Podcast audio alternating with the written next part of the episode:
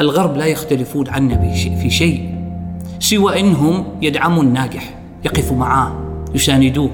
ونحن يعني نحبط من هذا الناجح حتى يكون فاشل. ولدينا أمثلة كثيرة. آه، إذا كان هذا الإنسان مشتت فكما يقال إيه، إن لم تكن تعرف أين تذهب فكل الطرق تصلح لك. قال كنا فقراء في كل شيء. يعني يقصد الفقر المادي. ولكن كنا أغنياء في عراقتنا وأصالتنا واصرارنا على النجاح. هذه هي القيم التي كانت في في نفسية هذا الإنسان القائد الجوهر في في القيم هو جوهر ثابت. يظل مثل ما هو. هذا الجوهر الثابت هو الذي تتشارك فيه الإنسانية. يعني على سبيل المثال لو سألتني ما هي أهم قيمة بالنسبة للإنسان خاصة المسلم؟ أقول لك التقوى. لا تتوقع أنه إنسان يحترم نفسه يتفوه بكلمات مثلا نابية أو يفعل أفعال يعني سيئة. بعض الأشخاص للأسف الشديد يعني يضع نفسه دون قدرها. لذلك الآخر يعني لا يعطي قدره. فهنا يعني حسيت بأنه في مشكلة عندنا في القيم موجودة. لما تقول حال شخص تؤمن بالصدق تؤمن بالأمانة تؤمن يقول لك والله أؤمن فيها. هل طبقها؟ صارت المسألة المزاجية مسألة الأهواء المحسوبية هي الحاكمة للأسف الشديد. وأحاول أن أحبط وأحاول أن أنتقد كل شيء يعني آه، وأتصيده في في شخصيته في كلامه في حتى أحبطه. عن عن مسيرته وبالتالي أنا أحبط المجتمع كامل وليس مجرد شخص واحد. بودكاست بودكاست. جلسة كرك حوار مشترك بين الضيف والهناء يركز معنا واستفيد يا الحبيب يا الحبيب. تابع معنا كل جديد. بودكاست بدون تصنع وتقليد. بودكاست بودكاست. لا لا لا لا لا لا. بودكاست بودكاست. لا لا لا لا لا لا لا.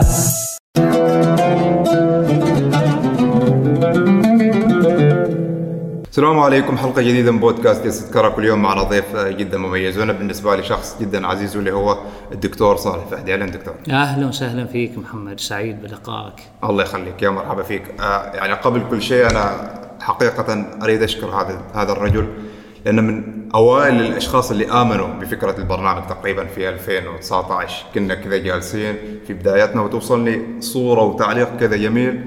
هذا بالنسبة لي أنا من الأشياء اللي, اللي ما أنساها في, في, في رحلة هذا البرنامج. فشكرا دكتور على على التشجيع والدعم. محمد أنت تستاهل الدعم لأنك رجل أولا صاحب رسالة رجل صاحب همة عزيمة. آه، عندك رؤية واضحة إلى أين تتجه؟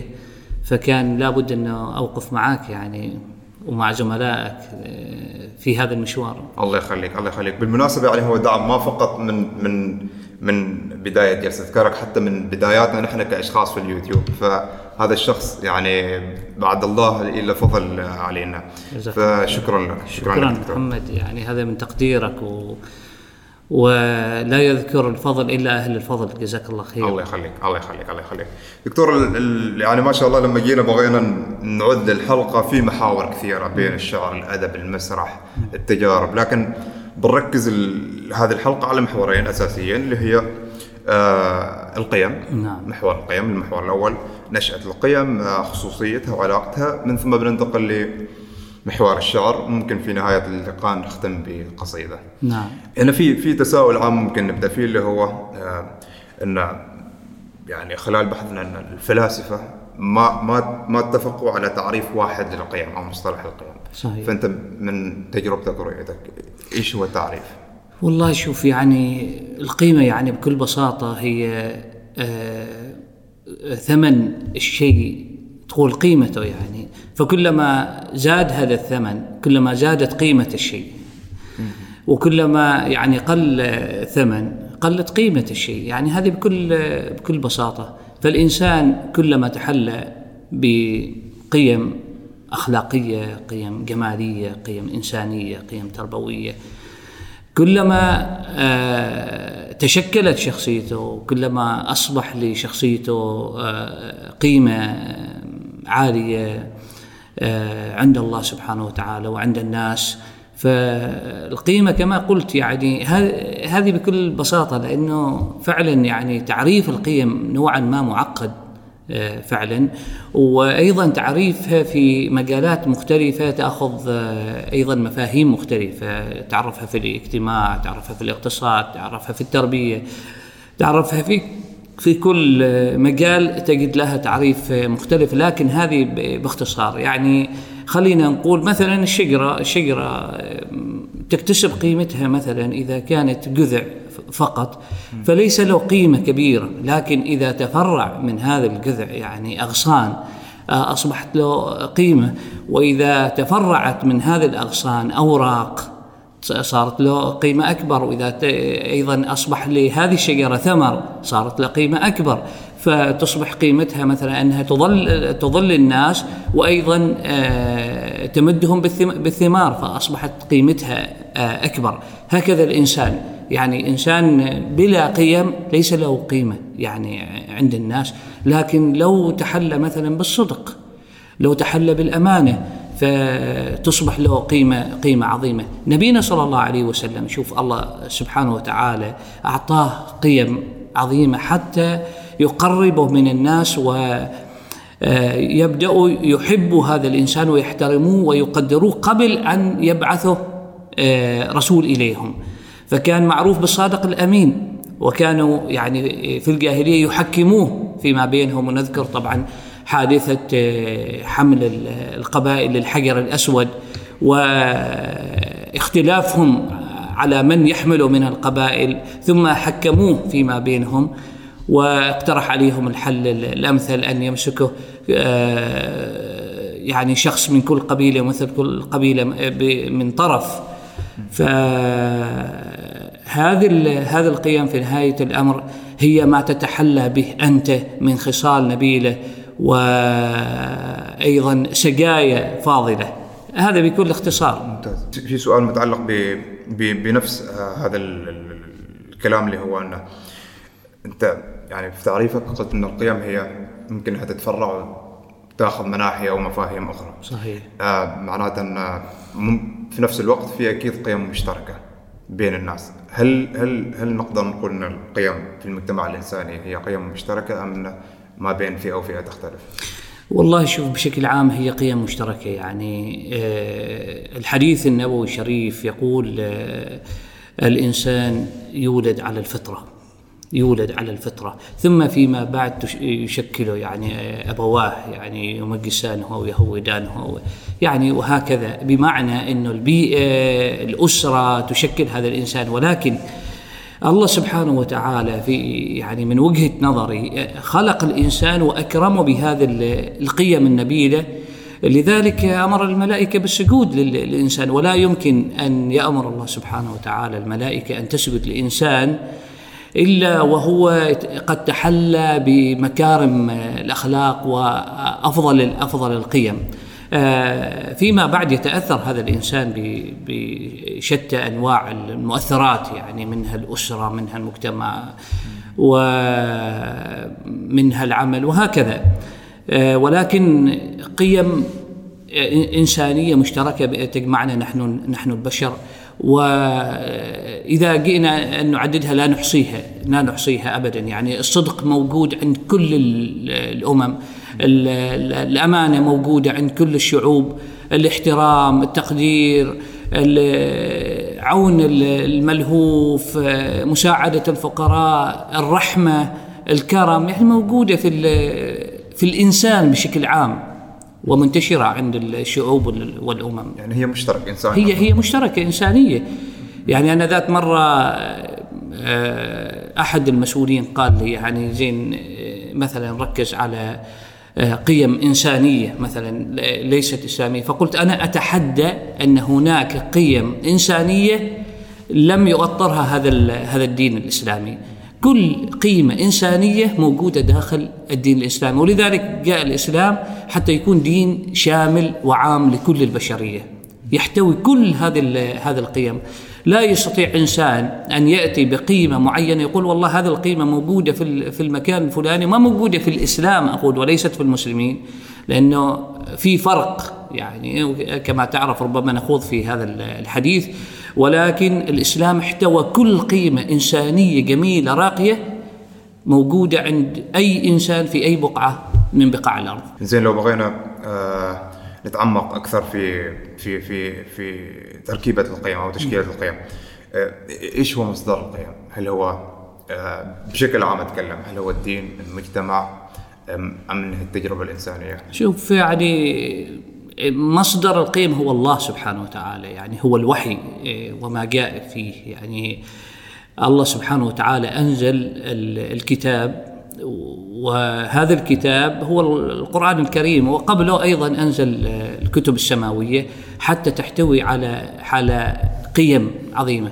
فلنتخيل الكتاب كالآتي نتخيله كالمطر. آه الأرض تحتوي أصلا على البذور. يعني أحيانا الوحي يتساءل يقول بعد نزول المطر من أين؟ آه ظهرت هذا يعني هذا الزروع وهذا النباتات. من وين ظهرت؟ يعني بعض الناس يفكروها تنزل مع مع المطر لا هي موجودة في باطن الأرض. فالقيم موجودة في الإنسان وال والدين يأتي كالمطر. كالمطر. يغيث هذه النفس ثم ينبت شجرة القيم فيها يعززها. لذلك يعني ما كنا نستغرب إن مثلا تجد مثلا في الجاهلية بعض يعني الأشخاص العتاه في الجاهلية القساة قساة القلوب يعني ومنهم كان سيدنا عمر بن الخطاب.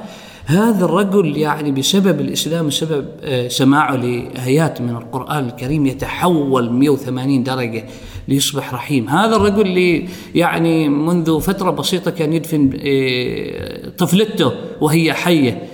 ولا يرمش له قفن يعني ولا يرق لحالتها إلى أن يصبح هذا هذا الرجل هو عمود من أعمدة الدين، كيف غيروا هذا الإسلام؟ معنى هذا إنه عنده في داخله هناك قيم موجودة داخل هذه النفس البشرية محتاجة إلى زخات من من هذا الغيث الإلهي النوراني حتى يحييها. هذا هذا يجعلنا نقول بأن كل إنسان قابل للتغيير كل إنسان قابل للتغير. لذلك أنا عارض دائما يعني هذا المثل القائل معنا في في أمثالنا الشعبية يقول قص صبع ولا تغير طبع. هذا هذا مثل غير صحيح. لأن رأينا أشخاص يتغيروا يتغيروا لأن داخلهم الخير. والنبي صلى الله عليه وسلم يقول الخير في وفي أمتي إلى يوم القيامة. هذا يحيي فينا الأمل بأنه كل إنسان قابل للتغير وشاهدنا أشخاص وعايشنا أشخاص كانوا يعني كذا ثم أصبحوا كذا تغيروا إلى حالة أفضل. بفعل ربما شيء بسيط وربما أذكر لك يعني فيما بعد. بعض بعض الأمثلة حتى من قيم. تصدق محمد إن بعض الأشخاص تغيروا بسبب مشهد واحد. يعني في برنامج قيم على سبيل المثال ربما نسبق الحديث عن هذا هذا البرنامج. آه، شاب كتب لي قال لي والدي لم يشكر أمي 34 سنة منذ أن تزوجها. يقول فذات يوم فتح التلفاز وكنت أنت بالصدفة وأنا لا أؤمن بالصدفة. يقول آه، كنت أتحدث عن الشكر وفي الحلقة هذه أنا كنت أتحدث عن شكر الأزواج لزوجاتهم. يقول ولأول مرة والدي يشكر أمي. بعد 34 سنة. بعد 34 سنة حط بين قوسين شعور لا يوصف. فأنا تلقيت هذا الكلام بنوع وأنا أقول لك الآن إياه وأشعر بنفس القشعريرة التي كنت يعني أشعر أشعر فيها آه، لما تلقيت هذه العبارة. آه، أشخاص آخرين يعني فعلا تغيروا بسبب مواقف بسيطة. معنى هذا القيم موجودة داخل داخل هذا الإنسان محتاج فقط للتذكير. لذلك الله سبحانه وتعالى يقول لنبيه فذكر إن نفعت الذكرى سيذكر من يخشى ويتجنبها الأشقى. فالقيم موجودة داخلنا محتاجة فقط إلى ما إلى مصدر عظيم روحاني. لذلك الشعوب التي ابتعدت مثلا عن عن الدين وجدت صعوبة صعوبة كبيرة. يعني وصلت إلى إلى إلى مستوى آه الإحباط الشديد واليأس آه لأنها آه لم تجد المصدر القوي الذي يحيي فيها هذه هذه القيم. وبدأت تسأل تسأل نفسها. أنا مثلا ذكرت قصة مايكل فيليكس اللي هو السباح الأمريكي آه، شهير وصل إلى درجة آه، تفكيره في الانتحار. هذا رغم أن هذا يعتبر أسطورة وناجح جدا. هو أسطورة ويعني وحصل على ميداليات لم يحصل عليها أحد. يعني تخيل إنه في أولمبياد واحد حصل على 21 ميدالية. يعني آه يعني وصل إلى درجة عالية من من الشهرة، درجة عالية من آه من الثراء. كل اللي يريده وصل. لكنه ما استطاع يجاوب آه، على سؤال واحد. ما هو الهدف من وجودي أنا في الحياة؟ هذا محتاج إلى دين. دين يجاوبه يعني هو توقف عند هذا السؤال وقال خلاص أنا أرى بأنه العالم سيكون أفضل لو أنا يعني رحلت من هذا العالم بالنسبة لي. لكن عنده صديق آه، لاعب كرة سلة وراح أهداه الكتاب. هذا الكتاب اسمه The Purpose of Life الهدف من وراء الحياة. لما أعطاه إياه اتصل فيه وقال أشكرك لأن هذا السؤال هو هو الإجابة. وكانت يعني الإجابة آه، عن تساؤله بإنه يعني السعادة ليست في الأشياء ليست في الشهرة ليست في في المال ليست في كل شيء. السعادة هي في العلاقة مع الله. وبدأ الرجل يعني يهدأ آه، وبدأ يرى الحياة بمنظور مختلف. اذا المصدر الأساسي للقيم هو هذا الوحي هذا يعني المصدر ال- الإلهي آه، سواء المتجلي في في الدين أو في كتاب الله سبحانه وتعالى. ونحن طبعا محظوظين بأنه عندنا الحمد لله يعني آه، الله سبحانه وتعالى خلقنا مسلمين. يعني إحنا آه، أعظم الشعوب حظا. يعني نقدر نقول إن في كل إنسان هناك بذرة خير مهما بلغ من السوء. لا شك. بس ماشي. يحتاج يحتاج الموقف أو أو الفعل أو حتى مثلا الصدفة اللي تخلي هذه البذرة تنبت طبعا طبعا تنبت. أنت أنت أحيانا آه، تجد بعض الناس ردة فعل معينة ازمه معينة تحصل له مرض ولده مرض بنته آه، بعض الناس أقول لك على سبيل المثال يعني واحد يعني خبرني بنفسه بأنه يعني كان عامل مطعم وفي خمورات وفي كذا يعني يقول وسافرت وكان عندي شريك وسافرت إلى دو- دولة أوروبية. وكنا نصور يعني في التلفريك أنا وبنتي وولدي وفجأة يعني انفتح الباب وتطير بنتي في في الجو يعني أمامنا أنا وزوجتي. يقول فكان يعني الموقف هستيري خارج عن العقل واحد يشوف بنته كذا تطير وتسقط يعني. فالزوجة كانت يقول تصرخ علي يعني عمل شيء سوى حاجة كذا يقول ورحت أنا رامي نفسي آه، وراها. يعني يعني لو فكر بالعقل العقل يقول لا ترمي نفسك يعني أحسن في الواحد ولا في الاثنين يعني. أيوه. فيقول رميت نفسي وسقطنا. يقول وأنا تهشمت يقول ال- الكعب عندي. أنادي على بنتي جاتني ولا فيها أي شيء. الحمد لله يقول ما تأثرت. فعرفت بأنها رسالة من الله لي بأن عليك يا فلان أن يعني تفك هذه الشراكة وأن تتجه إلى طريق آخر. فرجعت يقول إلى عمان يقول فكيت هذه الشراكة مب- مباشرة. فهي هي أحيانا نقاط معينة رسائل من الله تأتي للإنسان. إذا هو توقف عندها وفكر فيها حياته راح تتغير. لكن إذا هو عاند وواصل فحياته بلا شك يعني تصل إلى إلى مرحلة الشقاء والبؤس. زين دكتور آه، آه، هنا في تساؤل يطرح نفسه آه، يتعلق عن القيم بالنفس. ولا تطرح أنت؟ هو يطرح نفسه وأنا أطرح. على آه، القيم هل هي متغيرة أم ثابتة وليش؟ القيم يعني آه، ثابتة ومتغيرة. كيف؟ ثابتة ومتغيرة. يعني بعض بعض القيم الثابتة يعني مثل الصدق الأمانة هذه ثابتة. يعني يعني وجدت آه، مع وجود الإنسان. آه، ولكنها هي هي تتفاوت يعني. ال- المتغير هي يعني امور أمور كثيرة نظرتنا تجاه تجاه العمل تجاه الإدارة تجاه أنفسنا هيئاتنا. إحنا هل نحن مثل ما نحن يعني مثلا في ازيائنا على سبيل المثال آه، في لباسنا في في طعامنا هذه كلها تعتبر قيم يعني في نهاية الأمر تشكل ثقافة معينة لأنك أنت ممكن تتعرف على ثقافة ناس وقيمهم من خلال طعامهم من خلال تناولهم لهذا لهذا الطعام. يعني يعني كانوا يتناولوا مثلا بالأيادي أصبح يتناولوا بالشوكة آه، والسكين والملعقة آه، كانوا يلبسوا مثلا ملابس معينة أصبحوا يلبسوا ملابس أخرى. ففي نوع من التغير ولكن الجوهر في القيم هو جوهر ثابت يظل مثل ما هو. هذا الجوهر الثابت هو الذي تتشارك فيه الإنسانية.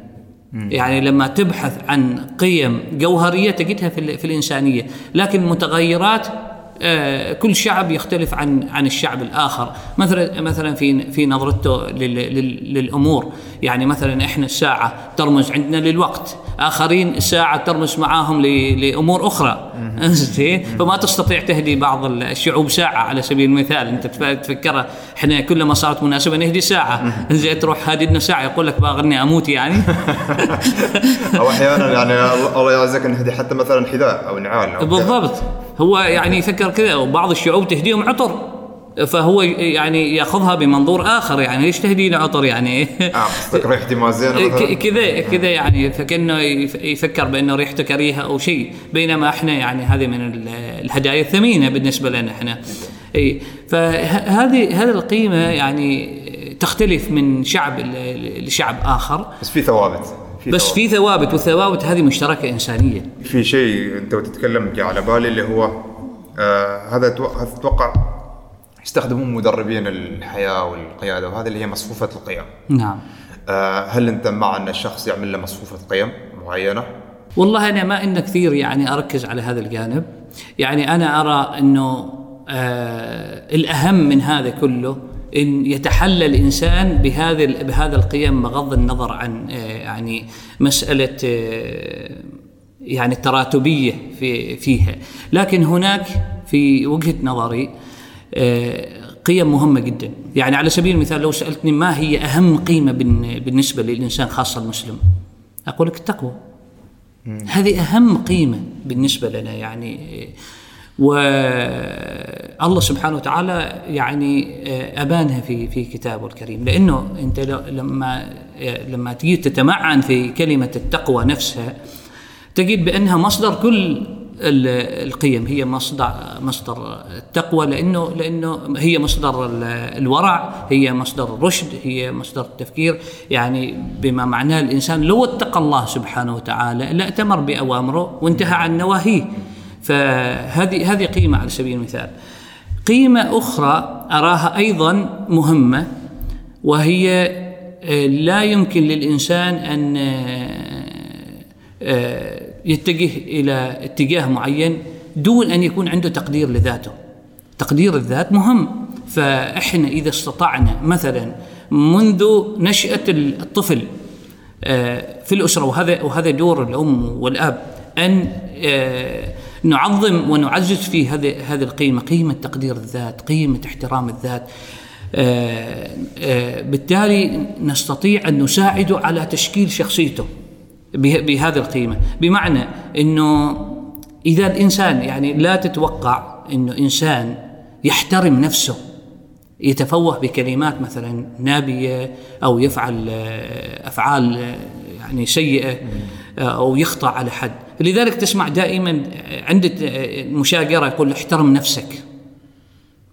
بما بما بما معناه بأنه لو أنت يا فلان احترمت نفسك لا يمكن أن تتفوه أو يعني تتلفظ بهذه العبارات أو تقوم بهذه بهذه الأفعال. فمسألة احترام احترام النفس هي أيضا مسألة مؤسسة ومشكلة للشخصية الإنسانية، تقدير الذات أيضا مهم، أين يضع الإنسان نفسه في أي مستوى يضع نفسه؟ آه لأنه هذا مهم. بعض الأشخاص للأسف الشديد يعني يضع نفسه دون قدرها، لذلك الآخر يعني لا يعطي قدره. فأنت يجب أن تعطي لنفسك قدرها.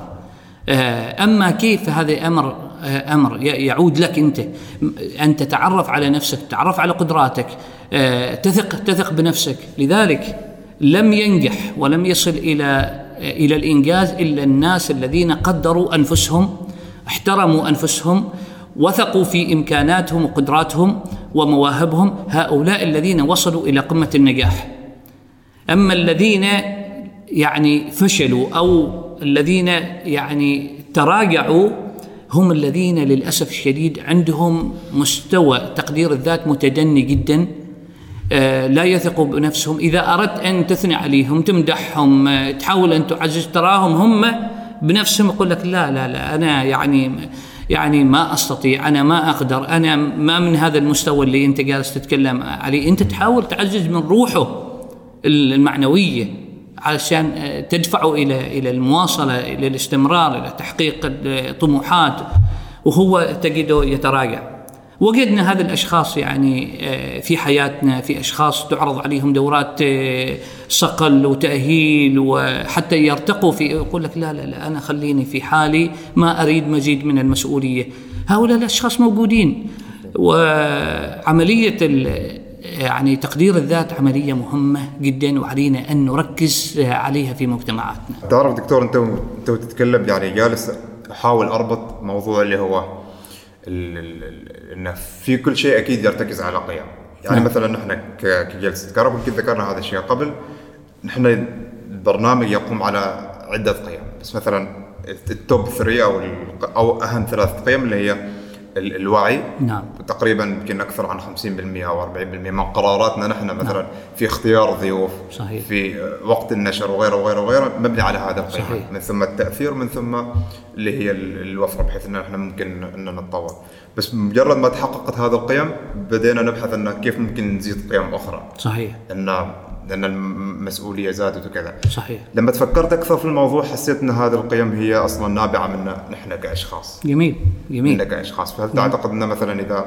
مثلا أنت أنت أنت كشخص لما تكتب قصيدة أو نعم. تألف كتب معينة أتوقع إنه مبنية على القيم اللي أنت لا شك.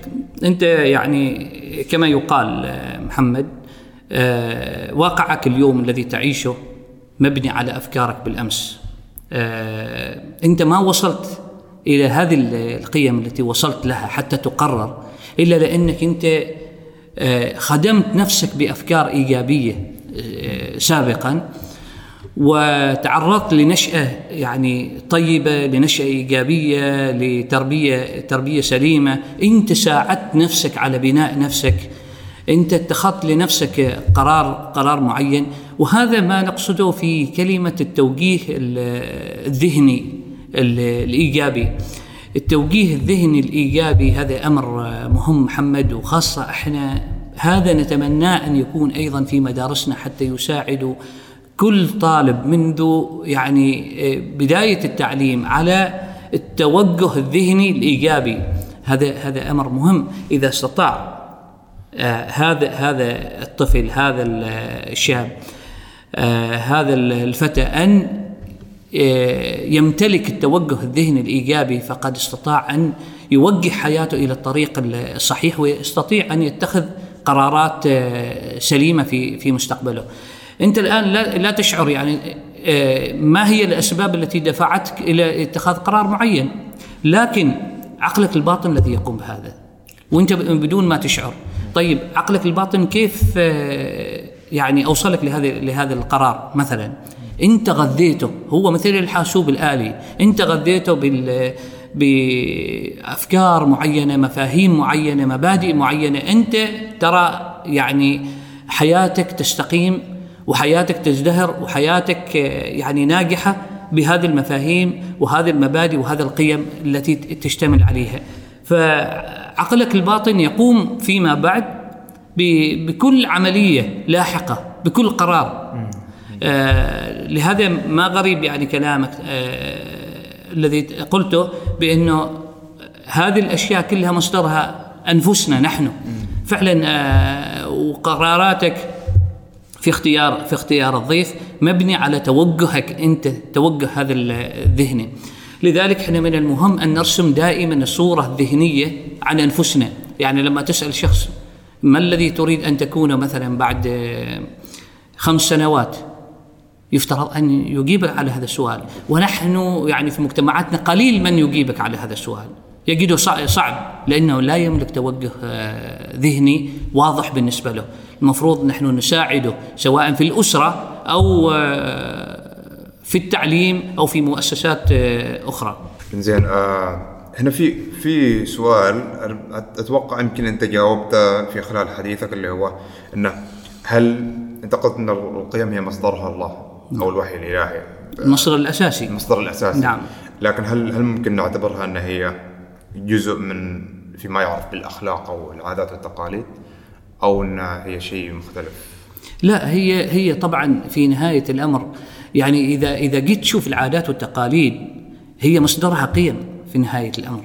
يعني لا يمكن أن تجد مثلا عادة حميدة آه، في مصافحة الناس وفي تقديرهم وفي احترامهم وفي حسن التأدب آه، يعني عند الحديث معهم خاصة الكبير أو احترام الصغير أو آه، يعني تقديم تقديم مثلا ال- الأكبر عند عند الدخول. آه، عادات الموجودة مثلا في مجالسنا تجد في نهاية الأمر وراها قيم مثلا توقير الكبير واحترام الصغير. وهذه قيم منصوص سواء منصوص عليها في الدين أو هي قيم مثلا موجودة معانا مترسخة فينا ونحن نرى مثلا آه، إنه آه، تراكمت علينا من من أرثنا السابق من آبائنا من أجدادنا. فالعادات الإيجابية وراها قيم إيجابية العادات السلبية وراها قيم سلبية. زي ما أن ذكرنا ال- ال- ال- القيم والعادات هل في اعتقادك إن فيه الآن قيم مفقودة في المجتمع؟ وإذا فيه إيش هي هذه القيم؟ يعني أنا ألفت كتاب آه، عنوانه قيم معطلة في المجتمعات العربية. آه، وهذا الكتاب يعني قصة كتابته كانت آه، ربما يعني آه، طريفة نوعا ما. يعني كنا نصلي في أحد الجوامع صلاة الجمعة. فشاهدت ال- الأحذية متراكمة أمام عتبة المسجد متراكمة فوق بعضها البعض بشكل فوضوي. فقلت يعني إيش اللي يخلي الناس ما تصف أحذيتها بطريقة مرتبة منظمة؟ بينما لما يتعدى عتبة المسجد تجده مرتب منظم هادي ينتظم في صف واحد. هو ترى كله في حرم المسجد. وكله بس مجرد عتبة واحدة. لكن هذه العتبة تراها تصنع فارق كبير. لأن هذاك مسجد زين وكأنه هذاك إسلام وخارج لا. إيش اللي يخلي شخص يوقف سيارته يعني في مدخل المسجد حتى يعيق يعني السيارات الأخرى؟ إيش اللي يخلي واحد مصلي جاي يصلي الجمعة يوقف سيارته خلف سيارات المصلين؟ بينما في مواقف أخرى فاضية مثلا في المسجد. فهنا يعني حسيت بأنه في مشكلة عندنا في القيم موجودة. لما تقول حال شخص تؤمن بالصدق تؤمن بالأمانة تؤمن يقول لك والله أؤمن فيها. هل طبقها؟ هنا هو هذا السؤال. زين أنا أيضا فعملت هذا هذا الكتاب. قيم معطلة. قيم معطلة في المجتمعات. قلت في المجتمعات العربية لأن نحن يعني تشابه في ثقافتنا نحن العرب. حتى أحد الأخوة السعوديين قرأ كتابي وقال لي كأنك كتبت عن المجتمع السعودي. لما قرأ هذا هذا الكتاب وهذا الكتاب تقريبا كتبته في 2010 2009 كذا ما بين المدينة آه، اللي كنت أدرس فيها مدينة هال وما بين مسقط يعني. آه، وكنت آه، أقارن يعني بعض القيم خاصة النظام وال- والالتزام وصدق المعاملة في أشياء كثيرة. يعني إحنا ما نريد نفضل الآخر علينا لكن نقول انه في واقع إحنا نعيشه مثلا في في الغرب في نوع من الالتزام في نوع من الصدق في نوع من ال- الوفاء بالعهود في نوع من يعني الأمانة في في التعامل وفي إشكالية عندنا نحن في مجتمعاتنا. لكن يعني ديننا يحثنا على كل قيمة حتى نتمسك فيه فيها. وكما يقال يعني الإيمان ما وقر في القلب وصدقه العمل. يعني بس كثير من الناس يوقر الإيمان في في قلوبهم لكن ما يصدق العمل وهذا موجود وأنا عملت أيضا بحث على مؤسسات بعض المؤسسات ال- الحكومية معنا وسألت أشخاص يعني آه، تؤمن بالقيم الإسلامية؟ قال لك اؤمن هل طبقها؟ قال لا والله ما أعتقد نطبقها يعني يعني صريح. اي صريحين و- وأشخاص كثيرين هذا بحث يعني عاملينه يعني مثلا المساواة في في يعني في الترقيات المساواة في آه، يعني في العمل الكفاءة تقدير الناس على كفاءتهم آه، يعني أشياء كثيرة يفترض تكون آه، تتساوى الناس مثلا فيها نظرتهم ما تتدخل فيها الأمزجة والأهواء للأسف آه، ما موجودة ما مطبقة. بمعنى أنه أنا محمد موظف معي ولكن محمد يعني أنا وياه ما مستويين يعني في في علاقتنا. بس محمد يعني رجل مثابر مخلص في عمله. لكن للأسف الشديد تطغي المزاجية على المسؤول وبالتالي يقيم محمد دون مستواه ال- الحقيقي. هنا هو ما حقق قيمة العدل قيمة الإنصاف ما حققها. لكن لما تجي تسأله هذا المسؤول هل أنت تؤمن بالإنصاف بالعدل؟ يقول لك نعم أؤمن فيها. طيب ليش ما عدلت مع محمد؟ ليش ما أنصفته؟ ليش ما ما قدمته هو على فلان؟ لما يعني أردت أن ترشح مثلا لدورة تدريبية ترشحه لمنصب معين. لماذا؟ صارت المسألة المزاجية مسألة الأهواء المحسوبية هي الحاكمة للأسف الشديد. في كثير أنا أقول في نماذج جميلة معانا وأنا التقيت يعني فيهم. وأيضا سمعنا عنهم لكن في أغلبية كبيرة للأسف الشديد تعمل على المحسوبية وهذا أدى إلى حدوث إشكالية يعني في طريقة التعاطي مع الإدارة عندنا لأنه كما تعلم محمد إذا نجحت الإدارة نجح كل شيء نجح الاقتصاد نجح الم- المجتمع نجحت السياسة نجح كل شيء. الإدارة هي معقل ومربط الأمور كلها. هي كلها ترجع وتنصب في في منظ- منظومة القيم. بالضبط. هي في نهاية الأمر بقدر ما تستطيع أن تغذي المجتمع بقيم جميلة راقية نبيلة فاضلة سامية. تستطيع أن تخلق مجتمع سليم واضح الرؤى محدد الأهداف آه، لديه غايات سامية في في حياته. المصالح معتمدة على على القيم. إذا كانت القيم آه، سلبية المصالح تكون أنانية وذاتية يعني تسودها روح الفردية. لكن إذا كانت القيم عظيمة ونبيلة في نهاية الأمر المصالح هذه تكون مصالح إنسانية. يعني يعني ما تهمني أنا أنا أحقق مصلحتي على حساب مصلحة مصلحة الآخر ومصلحة الوطن. لأن أنا أنظر نظرة شمولية واسعة بأنه إذا نجح محمد أنا أعتبر نجاح لي. وإذا وإذا فشل محمد فشل بالنسبة لي. هذا. إذا إحنا تحلينا بهذه بهذه القيم تخلينا عن أنانيتنا تخلينا عن ذاتيتنا فكرنا فقط في الجانب الإنساني في الجانب الخيري. إن فقط أنا أريد أساعد محمد قدر ما أستطيع حتى آه، أجعل هذا الإنسان ناجح. بالتالي محمد يستطيع أن يجعل فلان ناجح وفلان يستطيع أن يجعل فلان ناجح وهكذا يصبح المجتمع يحفز بعضه البعض ويصبح هذا المجتمع ناجح. لكن أنا إذا كنت أحسد محمد على نجاحاته وأحاول أن أحبط وأحاول أن أنتقد كل شيء يعني آه، وأتصيده في في شخصيته في كلامه في حتى أحبطه عن عن مسيرته بالتالي أنا أحبط المجتمع كامل وليس مجرد شخص واحد. هذا لازم إحنا ندرك هذا هذه الحقيقة. أكيد أكيد. وهذا شيء حاصل.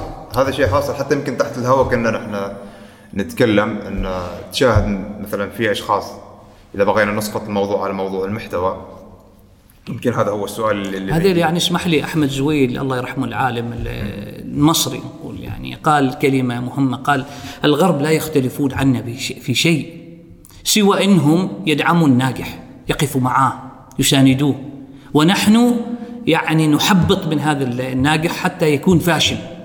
ولدينا أمثلة كثيرة في في هذا المجال. يعني لمجرد أنت مثلا تظهر ببرنامج ناجح أو تحاول أن تخطط مثلا خط ناجح أو عندك مشروع ناجح شوف في اليوم ثانية يعني ومن المجتمع نفسه.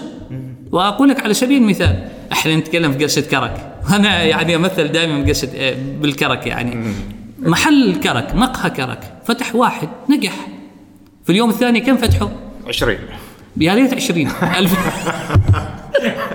لو 20 كل البلد انتشرت يعني شاي كرك كلها. تعرف المصيبة إنه يفتح جنبه؟ أيوة. بعد ما يفتح بعيد عنه يفتح جنبه. يعني من ناحية بيجي واحد يقول لك يا أخي كل واحد ورزقه طيب كل واحد ورزقه لكن تعال شوف إيش اللي تحت يعني هذا كله. يعني تجد ناس كأنهم حاربوا على النجاح شاف فلان يا أخي ناجح طيب أنا أفتح مشروع آخر. زين. آه فهي إشكالية دائما. يعني إحنا ما نقول والله هذا الأمر بس موجود على مستوى مثلا المسؤولين أو مستوى المؤسسات أو غيره لا موجود في المجتمع. آه لذلك يعني كلما أصبح هذا المجتمع مجتمع نزيه ونظرته عالية يفكر في في الآخر عنده مستوى ال- النظرة الخيرية واسعة كلما هذا المجتمع كان صالح يدعم بعضه البعض ويحب الخير لبعضه البعض. آه هنا في سؤال مرتبط ب أنا وا- واجد حبيت اللي هو مصطلح اللي القيم المعطلة نعم. عشان كذا جالس أفكر إيش سبب هذا التعطيل صحيح في- في تخيلت القيم. حنفيه المعطلة يعني إيش السبب؟ يعني هي إذا كانت أصبحت معطلة فهي كانت فاعلة قبل أو أيوة. فعاله بالضبط بالضبط؟ هي هي هي في الأصل يعني آه، هي قيم فاعلة فاعلة إحنا نحن عطلناها عطلناها بمفاهيم معينة بمعنى يعني ذات يوم كنت ألقي محاضرة في إحدى المؤسسات وبعدها لحقتني موظفة وقالت لي دكتور أريد أسألك سؤال. تقول يعني مديري يقول لي ليش دائما يعني تكوني صادقة؟ يعني يقول صادقة كذا الناس ما يحبوك يعني ما يحبوك تكوني دائما صادقة. يعني صدقي مرة كذبي مرة وهكذا. فإيش رأيك؟ إيش رأيك تقول لي؟ قلت لها ال- الصدق ما سلعة عشان نبيع ونشتري فيها يعني. الصدق قيمة. مبدأ. مبدأ. إما تتمسكي فيها وإما تخليها. يعني ما يصير أنا أكون ال- اليوم صادق باكر كاذب فذي الساعة صادق في الساعة الثانية لا كاذب. تكون ولا خير في ود امرئ متلون إذا الريح مالت مال حيث تميل. فيكون إنسان أنا متلون ما عندي ثبات في الشخصية. يعني انت اذا كنت ثابت بقول والله محمد رجل صادق. ويقول عبد الله محمد رجل صادق. ويقول فلان محمد رجل صادق. خلاص عرف عنك الصدق لكن إذا كنت متلون ما حد يقدر يفهم شخصيتك. يعني لذلك آه، انت تقول لبعض الأشخاص يا أخي أنا ما قادر أفهم فلان. ما كذا؟ ما قادر أفهمه لأنك أنت ما قادر يعني آه، تفهم شخصيته. يعني تشكيل شخصيته هذا هذا الشخص مبني على إيش؟ على أي على, على أي قيمة؟ سبب سبب التعطيل. نرجع على على مفاهيمنا. نحن المفاهيم السائدة في في المجتمع. يعني بعض الأشخاص يقول لك يا أخي تملق حتى إنك تعلو أو تتسلق. تترقى وتتسلق يعني. آه، آه، وبعض الناس أخذوا بهذا بهذا المفهوم عطل جانب ال- الآخر الجانب الشريف الجانب ال- يعني آه، اللي اللي أصلا تقوم عزة النفس واعتدادها عليه. عطلها خليني الآن من هذا الجانب وخليني أحصل على على المنصب بالتملق بالتزلف بالمحسوبية وأشياء هو يمكن نفسه ما ترتضيها لكن عطل هذه هذه القيم النبيلة لأنه لو لو فعلها ما يقبلها الآخر. هو عارف. لكن هو يعرف بأنه لو فعلها ضميره هو يكون مرتاح. شخصيته تكون مرتاحة. لذلك نحن مثلا يعني تعرضنا لمواقف معينة. كنا أمام قرار إما أن نعطل قيمنا الرفيعة السامية وإما أن نفعلها فأثرنا أن نفعلها إذا فعلتها أنت ما راح تحصل على مصلحة معينة. طيب هذه المصلحة هل هي آنية ولا هي طويلة المدى؟ هل هذه المصلحة يعني ستسعدني أنا كإنسان تسرني طول حياتي ولا كلما يعني تذكرتها أشعر بوخز في في الضمير. لذلك يعني قررنا في كثير من المواقف أن نفعل قيمنا ونرفض يعني آه، الاستمرار مثلا في في آه، موقف معين أو قرار معين آه، حتى آه، نسعد أنفسنا ونسر أنفسنا ونتخذ. هذه المواقف كمواقف مشرفة في في حياتنا. إن أنا من الناس دائما اللي أقول بأنه عليك أن تكثر من المواقف المشرفة في حياتك، هذه المواق- المواقف المشرفة في حياتك اولا تقدر تتشفع بها أمام الله. إذا حصلت لك أزمة أو كربة أو ضائقة تقول يا رب في يوم من الأيام أنا حصل لي هذا الموقف ولكن فعلت كذا وكذا اتقاء لوجهك الكريم فاشفع لي بهذا الموقف. وتذكر ربما الثلاثة الذين انسد عليهم ال- الكهف داخل إيش يعملوا؟ انسد يعني آه، صخرة كبيرة يعني ما عندهم إمكانية ولا قدرة على دفع هذا هذه الصخرة. فقالوا فليدعو كل واحد منا بموقف مشرف عمله في حياته آه، آه، إلى الله سبحانه وتعالى. وفعلا بدأ كل شخص يدعو الله سبحانه وتعالى بموقف مشرف ولذلك انزاحت هذه الصخرة. قد تكون هذه القصة رمزية. ولكنها مفيدة جدا بالنسبة لنا لنا كأشخاص.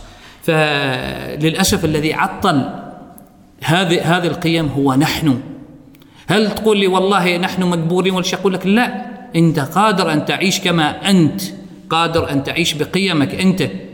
آه، أما مصلحة أما مسألة المصالح وهل أنت تحصل عليها ولا ما تحصل عليها هذا أمر يعود يعود لك. وثق بأن الله سبحانه وتعالى إن أنت يعني آه، التزمت بال- بالقيم السامية التي يرتضيها الله سبحانه وتعالى. سيفتح لك باب بلا أدنى شك. من حيث لا تحتسب. من حيث لا تحتسب.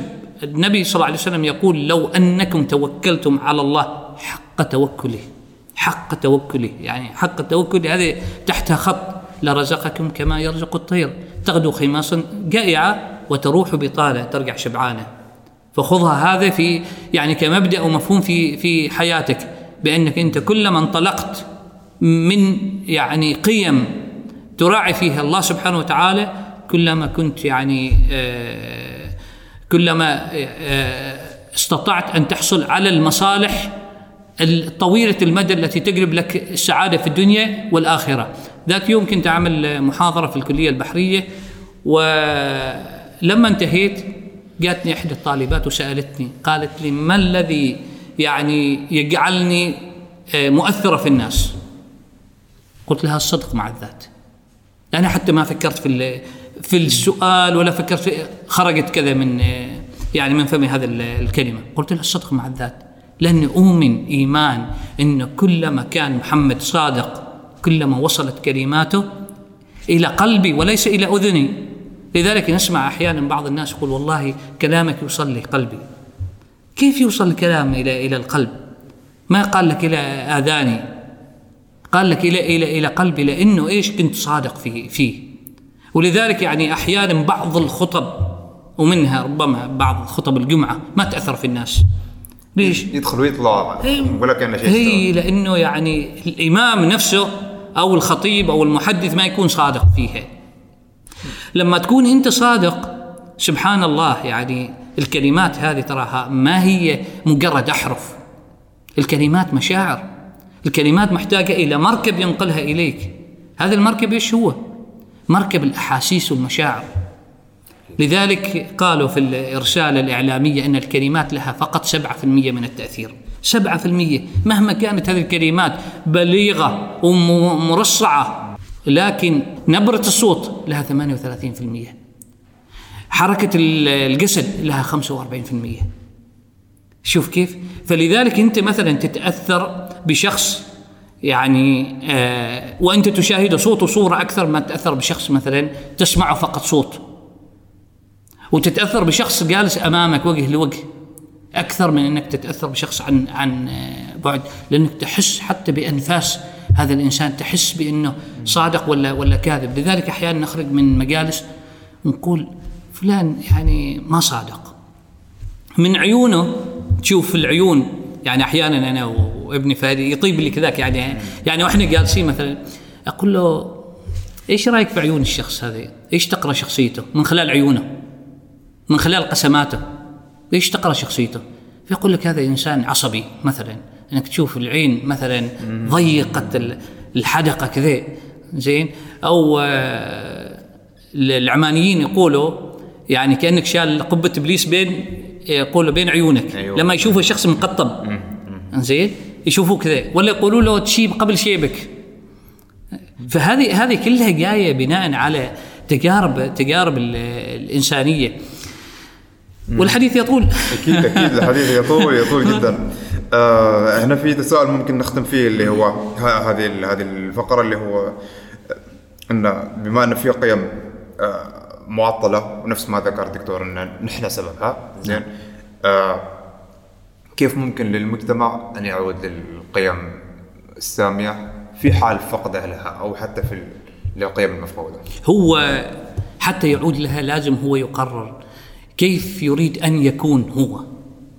ما هي الصورة التي يرسمها لنفسه؟ ما المستوى الذي يريد أن يكونه هو كإنسان؟ ما القدر الذي يريد أن يعطيه لنفسه؟ هذه الأسئلة لازم يجاوب عليها.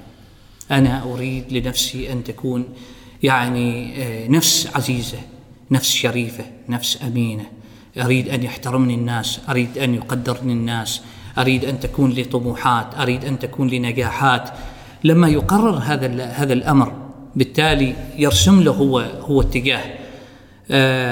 كما يقال إذا إذا صفت النية وخلصت النية وضح الطريق. فيخلص هو النية. آه، آه، وعليه أن يقرر ما هي الصورة الذهنية لنفسه بعد خمس سنوات بعد عشر سنوات ما الذي يريد أن يكون. لكن آه، إذا كان هذا الإنسان مشتت فكما يقال إيه، إن لم تكن تعرف أين تذهب فكل الطرق تصلح لك. بالفعل. ممكن بالفعل. تمشي في أي طريق يعني. عادي عادي لأنه أنت بتكون يعني ماشي في نهاية الأمر. لكن إذا أنت حددت الطريق والوجهه والغاية والهدف اللي تريد تسلكه يوضح لك الطريق على طول. طبعا طبعا. م- مباشرة. يعني أنت مثلا باغي تروح سحار. أنت لك علاقة بالسحار. جدا. باغي تروح سحار. زين؟ ما ممكن تاخذ سيارة إلى نزوة. ليش؟ هدفك سحار. أنت حاط في بالك سحار. واضح غير. واضح. وعارف تمر على وين. وعارف تروح أي شارع. وعارف تاخذ أي وسيلة نقل عام وما في وسائل غير هذا. السياره فقط. زين. أنا أسترجع ترى من حلقات أخرى يعني ف يعني الطريق بالنسبة لك يكون واضح. ما تاخذ سيارة إلى إلى إلى نزوة. ولا إلى إلى إلى صلالة أو أي شيء. فلذلك الإنسان هو يقرر نفسه ما الذي أريد أن أكونه؟ من أنا؟ ما هو الطريق؟ ما هي النجاحات؟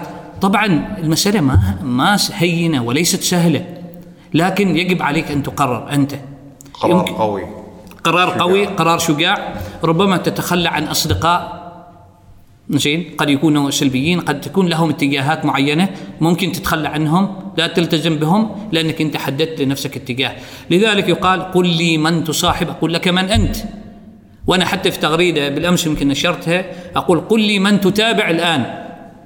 عبر وسائل التواصل الاجتماعي أقول لك من أكيد. لأنه أصبح عدد الم- المتابعين يعني لا يقاس آه، في كثرة العدد بعدد الأصدقاء. الآن عدد المتابعين يعني عدد هائل. فقل لي من تتابع؟ أقول لك من أنت. وكما يقال يعني آه، قل لي ماذا تقرأ ومن تصاحب؟ أقول لك من أنت بعد خمس سنوات. فهذا هذا أمر أمر مهم.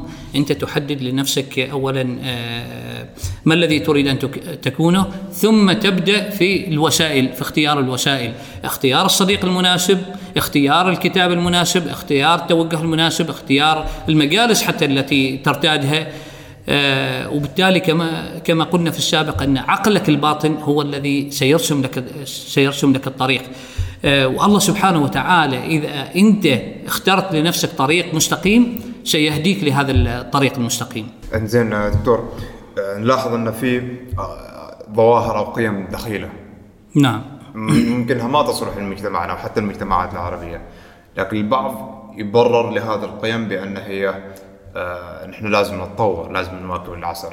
كيف ممكن نحد من هذا الظواهر؟ شوف آه، يعني بعض القيم ربما تكون دخيلة لكنها إيجابية. علينا. لكن نحن نقصد القيم ال- السيئة. القيم سيئة.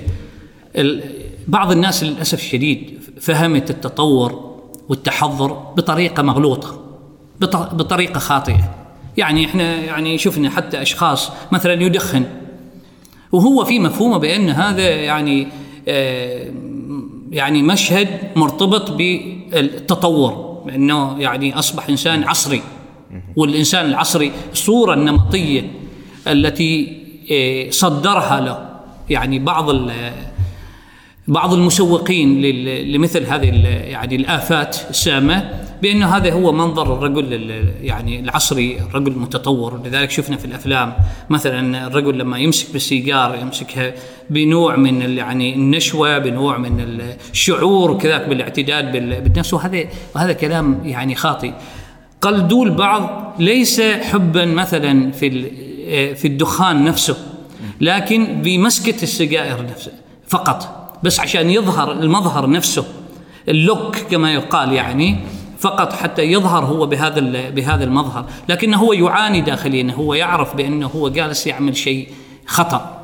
آه، لذلك بعض القيم الدخيلة السلبية على المجتمع آه، مغلوط في في فهمها وهؤلاء الأشخاص ربما يعني تمر عليهم في مرحلة من المراحل ثم تأتي مرحلة أخرى فيعني يضحكوا على أنفسهم. يعني يقولوا كيف يعني كيف كنا يعني مثلا آه، آه، يعني نلتزم بهذه العادات وهي عادات دخيلة وقربوها يعني في فترة معينة وثم نضجوا واكتشفوا بأنها كانت عادات يعني قللت من قدرهم الذاتي وشخصياتهم.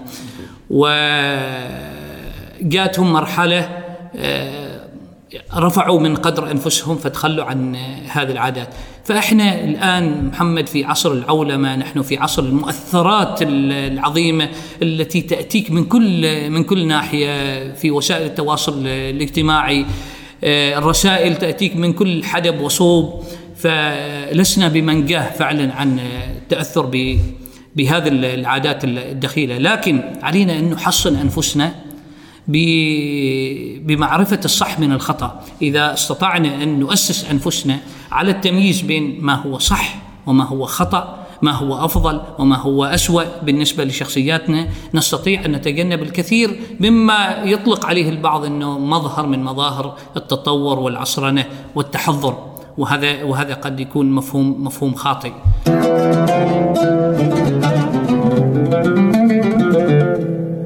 نرجع بعد فاصل قصير. آه آه ما شاء الله هذا المحور طول.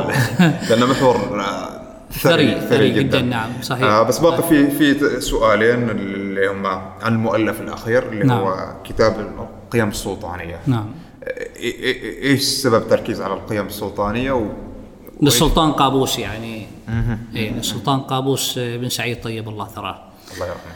يعني اولا سلطان قابوس آه، رجل آه، مدرسة في القيم. وكما قلت يعني في المؤلف بأن سلطان قابوس لم يكن يمثل شخصه كان يمثل إرث أمه. وكنا نرى آه، تاريخ وإرث العمانيين متجسدة فيه. ولذلك يعني هذا ما يجعلنا أن نقول بأن الحاكم لا يمثل شخصه. لهذا يصبح الحاكم رمز لا يجوز المساس فيه. لأنه هذا الرمز ليس لشخصه وإنما لأنه يمثل أمة بإرثها ثقافتها بتاريخها بوطنيتها بكل مكتسباتها. من هذا المنطلق كتبت القيم آه، السلطانية للسلطان قابوس طيب الله ثراه. وشاء الله أنا كتبته في في عهده قبل أن يتوفى بعامين. بدأت الكتابة فيه من 2018 وأتوقع أنه انه الموافقة كانت من السلطان قابوس لا لا يمكن أن يصدر من شؤون البلاط يعني كتاب عن سلطان قابوس آه، إلا بعد موافقته. ولكن شاءت إرادة الله سبحانه وتعالى أن يصدر بعد وفاته. وسبحان الله حكمة عميقة عظيمة بانه وهذه قلتها كم مرة بأن السلطان قابوس قد رحل جسما وبقي قيما. لهذا القيم العظيمة متجسدة في هذا الإنسان طيب الله ثراه وجزاه الله كل خير عن عن ما فعله للعمانيين من تأسيس دولة. يعني بكل بناها التحتية العظيمة. آه، هذا الإنسان تخلد قيمه. وهذه وهذه القيم أردت بها أن تخلد حتى تبقى إرث ل- لأمة. يرجع لها كل إنسان آه، مواطن وكل قائد وكل حاكم يرجع لهذه هذه ال- القيم لأنها لم تكن قيم عشوائية وإنما قيم مدلل عليها في ال- في الواقع. كما تعلم خلال خمسين عام في إنجازات عظيمة لا يمكن أن نذكرها. طبعا. لكن حتى أنت ت- تقدر هذا الإنجاز عليك أن تنظر إلى القيم التي أظهرت هذا الإنجاز وكانت وراء هذا الإنجاز حتى تفهم. يعني على سبيل المثال إذا نظرنا لهذا الديكور الآن هذا ممكن يجعلنا أن نفهم شخصية من آه، صمموا هذا الديكور. ما هي القيم التي يحملوها؟ آه، البرنامج نفسه. جلسة كرك على سبيل المثال؟ وضيوفه. إذا جئنا نستقرئ أستطيع أن أعرف القيم التي يحملها محمد الهنائي ومثلا ومساعدوه عبد الله البلوش والشباب ال- الآخرين. أعرف قيم هذا الناس الرسالة التي آمنوا آمنوا فيها. فمن هذا المنطلق آه، قلت لا نستطيع أن نذكر إنجازات إنجازات عظيمة. لكن علينا أن نرى القيم وهي أكثر خلودا وأكثر ثباتا وأكثر عمقا لهذا لهذه الإنجازات. بمعنى انه كل من كانت في هذا الق- القيم يستطيع أن يحرز الإنجازات كما أحرزها السلطان قابوس.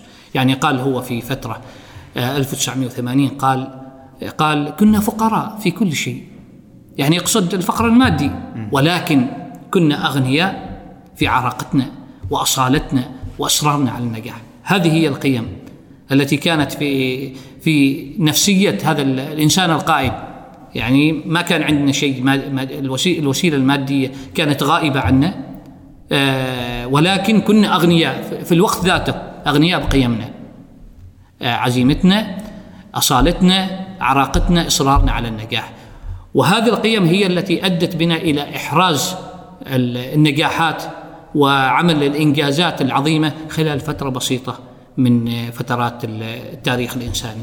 هو صدر مؤخرا تقريبا. هو صدر مؤخرا عن شؤون البلاط السلطاني وإن شاء الله يعني حتى أيضا آه، نوصل رسالة بأنه الآن إن شاء الله سيتواجد في الأسواق قريبا ممتاز آه، ليكون متاح لكل آه، إنسان لأنه صدر فقط منه تقريبا بضع مئات في السابق ووزع على طبعا بداية لجلالته الله يحفظه. وأيضا لكبار المسؤولين في الدولة وفي الأسرة الحاكمة وغيرها. و ال- ال- النسخة القادمة إن شاء الله ستوزع في الأسواق في كل مناطق السلطنة. ممتاز ممتاز. بالتوفيق إن شاء الله. إن شاء الله شكرا. آه، نختم هذا المحور بسؤال اللي هو آه وهي مناسبة. نعم. مناسبة جميلة. كنا نتكلم عنها تحت الهواء مرور عشر سنوات على نعم. برنامج قيم. نعم. يعني بدأ تقريبا 2010 2011 صحيح تقريبا 2011 آه، ويعني أنا لما رجعت من بريطانيا طبعا في بريطانيا ألفت قيم معطلة في المجتمعات العربية وهذا جعلني يعني أصل إلى حقيقة بان عندنا إشكالية عندنا فجوات قيمية في في مجتمعنا وأن علي أنا كصاحب رسالة ان أقوم بشيء وإن كان يعني متواضع بجهود بسيطة ولكن علي أن أقوم بشيء. يعني كما يقال اشعل أول- شمعة. ولا أول أول تجربة تلفزيونية أول تجربة تلفزيونية بالنسبة لي أن أظهر. يعني قبلها عملت كتبت حكايات ليث. معروف معروف معروف. ليث معروف يعني وكان طفل أعمى وحتى نزلت إلى مستواه في في الكتابة واشتهر حتى البرنامج يعني وكتبنا قناديل. ثم لما رجعت قلت يعني علي أن أخوض التجربة بنفسي لأنه أريد أن أوصل رسالة لأن القضية ليست قضية إيصال. كلمات مكتوبة آه، إنما القضية أن توصل أيضا إحساس بال بالكلمة. يعني ممكن حد يقول لك يا محمد يا أخي خلي واحد غيرك ولا نوع. ما هي هذه القضية؟ في ناس ما تفهم يعني إنه الرسالة الإعلامية ما قائمة على الكلمة المكتوبة. الكلمة المكتوبة بسيطة. لذلك أنا مثلا حتى البرنامج الذي يقدمه آه، محمد المرقبي عن القيم السلطانية هو برنامج على فكرة يوميا. يعمل إذاعة. قراءه في في القيم السلطانية فأنا قلت أيضا هي القضية ليست قضية قراءة وإلا أنا كنت قدمت هذا البرنامج أقرأ في كتابي لكن أريد لشخص أن يقدمه بطريقته الخاصة فكان محمد المرقبي هو الشخص المناسب الذي يقدمه على آه، قناة مسقط اف أف أم على كل حال يعني فظهرت في برنامج آه، قيم. في ال- في الجزء الأول وكانت فكرتي على إنه ما أتحدث لمجرد فقط ظهور شخصي وإنما أستعين من الواقع بمشاهد معينة وأبسط مفهوم القيم عند الناس إذا كنا تحدثنا في البداية بأنه مفهوم معقد عند الناس فخليني أبسط هذا المفهوم حتى يفهموا الناس ويعرفوا معنى كلمة قيم. حتى تتصور إنه في أحد يعني أحد الأخوة آه، من كثر محبته للبرنامج من كثر ما يسمع عن بدأ يسمع عن القيم سمى بنته قيم. ما شاء الله. وجه له تحية الشيخ نايف الشنفري. سمى بنته قيم. آه، وهذا شيء يعني جميل لأن استطعنا أن نوصل كلمة قيم لهذا المستوى أن يسمي إنسان ابنته مثلا قيم. أن نوصله إلى إلى مرحلة مشاهدات مستويات مشاهدة. مثلا طفله عمرها أربع سنوات. أربع سنوات كانت يعني حريصة على مشاهدة القيم. حتى أعتقد إحنا حاطين آه، صورتها كذا أو المشهد في في اليوتيوب. آه، تشاهد وأيضا آه، يعني تحاول آه، تقر أهلها على أساس إنهم يتابعوا معها ال- البرنامج. وأيضا جدات كان يشاهدن ال- البرنامج. فبدأ ال- البرنامج يكون يعني منتج عماني خارج من البيئة العمانية مقدم يعني آه، عن طريق إنسان عماني كادر عماني آه، بمشاهد آه، عمانية يلمسها كل إنسان ويقول هذا حصل لي هذا الموقف. هذا ما كنت أريد أن أقوله. في بدأ يعني بدات تصلنا بعض قصص التغيير آه، في- المجتمع. قصص كثيرة حصلت على كل حال. يعني بعض القصص آه، يعني نسمعها بأنفسنا وبعض القصص آه، يعني تصلنا من من آخرين. لكن حتى في شخص قال لي والله ما كان حتى كلمة السلام عليكم يعني تقال في في مدرسة يقول بعد حلقة معينة أنا كنت أتحدث فيها عن السلام وأهمية السلام يقول في اليوم الثانية بدينا نسمع كلمة السلام عليكم السلام عليكم. ما أستطيع أقول إنه في ربط مباشر لكن هذا ما ما نقله لهذا هذا الشخص. قصص أخرى إنه في أشخاص كانوا عنيفين مثلا مع أهاليهم. قصة أيضا أذكر لك إياها. ممثل خبرني قال آه، زوجي أخبرته قالت له زوجي كان على وشك ان يطلقني. وشفنا مشهد في قيام هذا المشهد أنا عملته آه، شخص يريد أن يطلق زوجته ويتصل بصديق ويطلب منه بشكل ملح أن يعني يأتي بسرعة. فلما جاء وقال له أريد أن أطلق قال طيب أنت عرفت تبعات الطلاق؟ تبعات الاجتماعية، التبعات القانونية، التبعات النفسية وبدأ يعدد له، قال لا والله هذه الأشياء كلها كانت غايبة عن بالي. تقول فلما سمع زوج زوجي تقول هذا هذا الكلام سكت عن حكاية الطلاق واستمرت حياتنا. هذا هذا يعني مشهد بسيط. مشهد بسيط جدا. مشهد بسيط جدا. هذا معناه إيش؟ يعني معناه إنه في قابلية للتغيير.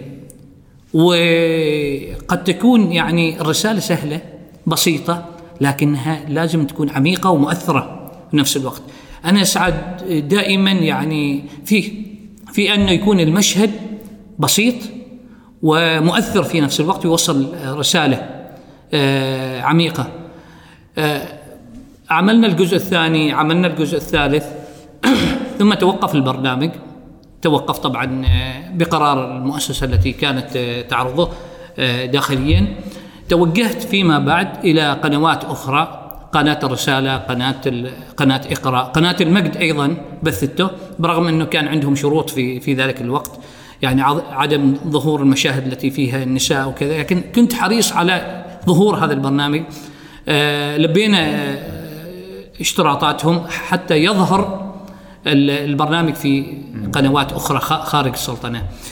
قناة الرسالة احتوت برامجي خلال العشر سنوات جزاهم الله خير. وهذه يعني تحية شكر أوجهها لكل الإدارة وعلى راسها الأمير آه، الوليد بن طلال. هو طبعا صاحب صاحب الرسا- الرسالة قناة الرسالة والطاقم الإداري فيها لأنهم آمنوا ب- بهذه الرسالة وهم قناة الرسالة.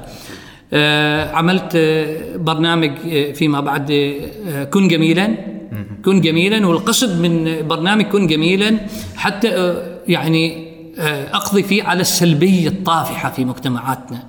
يعني كثير من الناس للأسف الشديد يتحدث آه، بسلبية، يأكل بسلبية، يرى الحياة بمنظور سلبي، فأصبحت السلبية طاغية، لذلك عملت هذا البرنامج واسميته كن جميلا.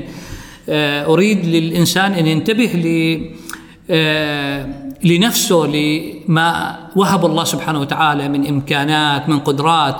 تستطيع أن تفتح له أبواب ال- الإيجابية، أبواب الإزدهار، أبواب ال- النجاحات في في الحياة، وهذا البرنامج ما معتمد على بيئة معينة، هو برنامج إنساني على الإطلاق، وين ما أحصل فعل إنساني إيجابي أتحدث عنه من من الهند من أفريقيا من أمريكا من من عمان من أي مكان. تجده يعني آه، يتحدث عن كل التجارب الإنسانية هذه آه، يعني إذا تحدثنا عن القيم المشتركة تجدها في هذا هذا البرنامج. تجد إنه في البرنامج نفسه عدة حكايات وقصص تتحدث عن آه، قيم مشتركة يشترك فيها ال- البشر في في هذه المعمورة. آه، أيضا عملت برنامج لتسكنوا. تسكنوا 30 حلقة آه، مركزة على الأسرة لأن عندنا إشكالية في في الأسرة. يعني حالات طلاق تتزايد آه، عدم آه، فهم للأسرة ككيان مفاهيم هذه الأسرة مفاهيم التربية والتنشئة. فعملت حتى أساهم في في رفع ثقافة يعني مفهوم الأسرة نفسها ورفع الوعي لدى الوالدين بتربية الأبناء وغيرها. عمل 30 حلقة أيضا آه، آه، عرضته قناة الرسالة. آه، أيضا عملت الآن برنامج برنامج نهضة أمة. هذا اللي بيصدر قريبا. هذا إن شاء الله في مستهل رمضان. نهضة أمة أردت أن أتطرق لتجارب دول مختلفة في مجالات مختلفة. حتى نستفيد آه، منها. يعني تخيل سنغافورة على سبيل المثال. سنغافورة كيف قامت هذا يعني هذا ال- البلد التي كانت مجرد خردة مجرد محطة يعني أهملها ال- البريطانيين بعد ال- الاحتلال وتركوها كذا يعني آه، فيها يعني عدد ما شئت من المساوي من الجرائم من المخدرات من كل شيء ليس فيها عمق جغ- جغرافي ليس فيها. حتى الرمل اشتروا من ماليزيا حتى الماء اشتروا من ماليزيا. آه، تخلت عنها آه، ماليزيا في 65 وبدأت آه، نشأتها. لما بدأت يعني اتخذت آه، سياسة أسمتها الاتجاه شرقا بمعنى أنها آه، استلهمت من آه، الصين واليابان آه، عوامل النهضة. هذا البلد الآن بعد خمسين عاما آه، تبني للصين مدينة سنغافورة التي كانت قامت في أساسها على الصين وعلى اليابان وعلى الدول المتقدمة الآن هي تبني مدينة للصين. بدأت في عام 2010 وهذه المدينة أرادوا أن يعملوها كنموذج تكون آه، مركز للاقتصاد للدراسة والبحث. آه، مدينة تستوعب آه، في حدود المليون ساكن يسكنوا ويعيشوا ويشتغلوا في في هذه المدينة. فهو تجارب مختلفة. جميل. هي جميل. نتطرق لها في هذا البرنامج إن شاء الله. إذا ممكن نختم بتساؤل الأخير اللي هو؟ يعني إيش سبب انتقالك من البث؟ يعني كان البث هنا في- على نطاق سلطنة عمان أو من القنوات الموجودة هنا من ثم صار لقنوات خارجية. والله سببه يعني آه ينقسم إلى إلى قسمين آه إجابة هذا السؤال. يعني داخلي يتعلق أمر يتعلق بالمؤسسة نفسها وقرارها. الأمر الآخر يتعلق بشخصي آه وكما يقال رب ضارة نافعة. ف اتجهت لهذه القنوات وهذه قنوات أيضا لها أهداف أهداف إنسانية بشكل عام وليست محصورة على ثقافة معينة. هي تهدف إلى إنارة الوعي الإنساني بشكل بشكل عام. إلى تقديم صورة جميلة عن الإنسان المسلم إلى تقديم آه، آه، قيم راقية تحاول أن يعني تعزز من ثقافة التقدم والتطور في في مجتمعاتنا.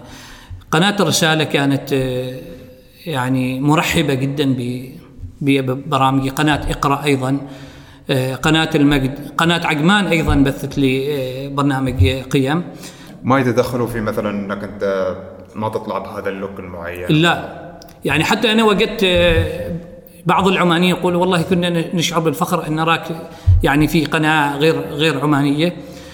وشيء جميل إن نحن يعني العمانيين أصحاب الرسالات الإعلامية ما نكون محصورين. وكما تعلم الآن محمد يعني ما في حدود كما كما كان زمان يعني.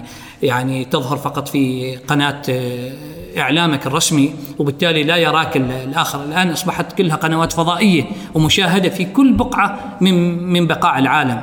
آه، لذلك يعني قناة قناة آه، رسالة قناة مشاهدة آه، ولا عذر لأي أحد بأن يقول لك والله ليش ما تظهر مثلا بصورة محلية لأنه لا يوجد الآن ما يسمى شيء محلي وشيء دولي. الآن كل الفضاءات مفتوحة. أمامك. ومن يتقصد آه، الرسالة ومن يتتبعها يجدها. من يريد أن يرى محمد الهناية وصالح الفهدي يراه مباشرة يعني سواء في من خلال هذه القنوات من خلال اليوتيوب من خلال وسائل مختلفة. الآن كلنا نملك حسابات آه، مختلفة ويرى كل جهودنا ورسائلنا عبر عبر هذه الرسائل. فهي هي كانت يعني أعتقد من القرارات الناجحة في في حياتي وأعتقد ساعدت على إنه آه، نظهر نحن حتى أصبح برنامج البرنامج العماني الوحيد الذي يظهر على قنوات آه، خارجية.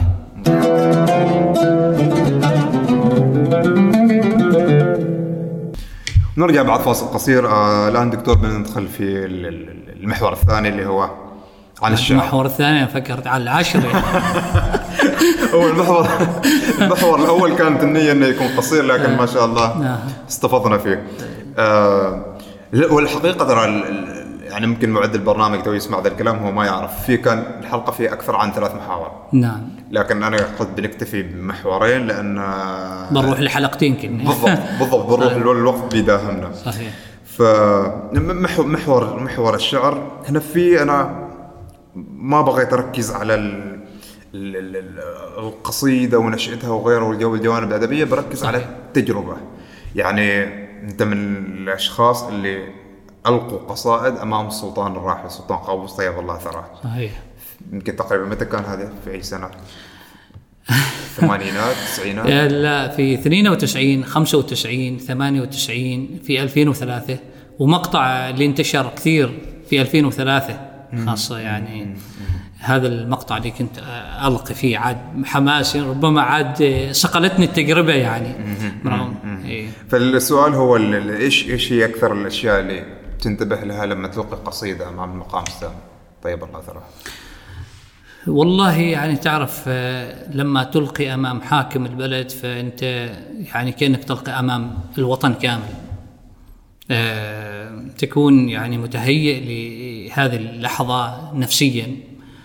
وتملك آه، أدواتك متمكن يعني من من الإلقاء. لأنه أي خطأ بسيط آه، لن يكون محمود في تلك اللحظة. حتى لو كان تفصيل مثل الحركات في التشكيل أو بالضبط. في كل شيء وقفتك صوتك. يعني كنت أسعى على أنه صوتي أيضا يكون عالي. لأنه محفل كبير يحضر الشيوخ والأعيان.